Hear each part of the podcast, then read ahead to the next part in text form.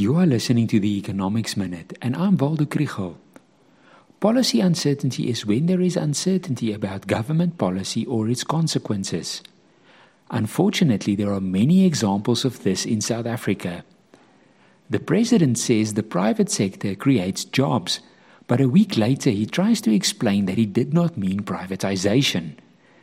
Eskom talks at COP27 about transition to a green energy Yet the Minister of Minerals and Energy likes gas, and so it goes on.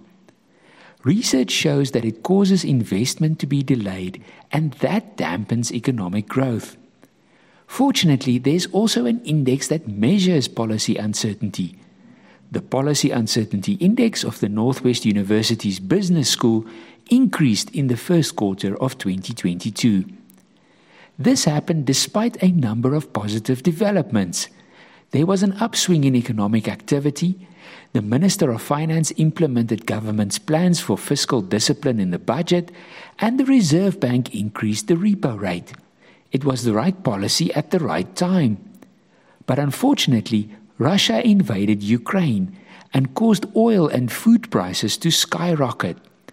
This means that inflation will rise and interest rates will have to be increased further then consumers will struggle even more, which will negatively affect business and can ultimately dampen economic growth.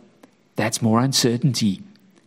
For the Ukraine's sake, the war must come to a conclusion quickly, but it will also be good for oil prices and for our economy.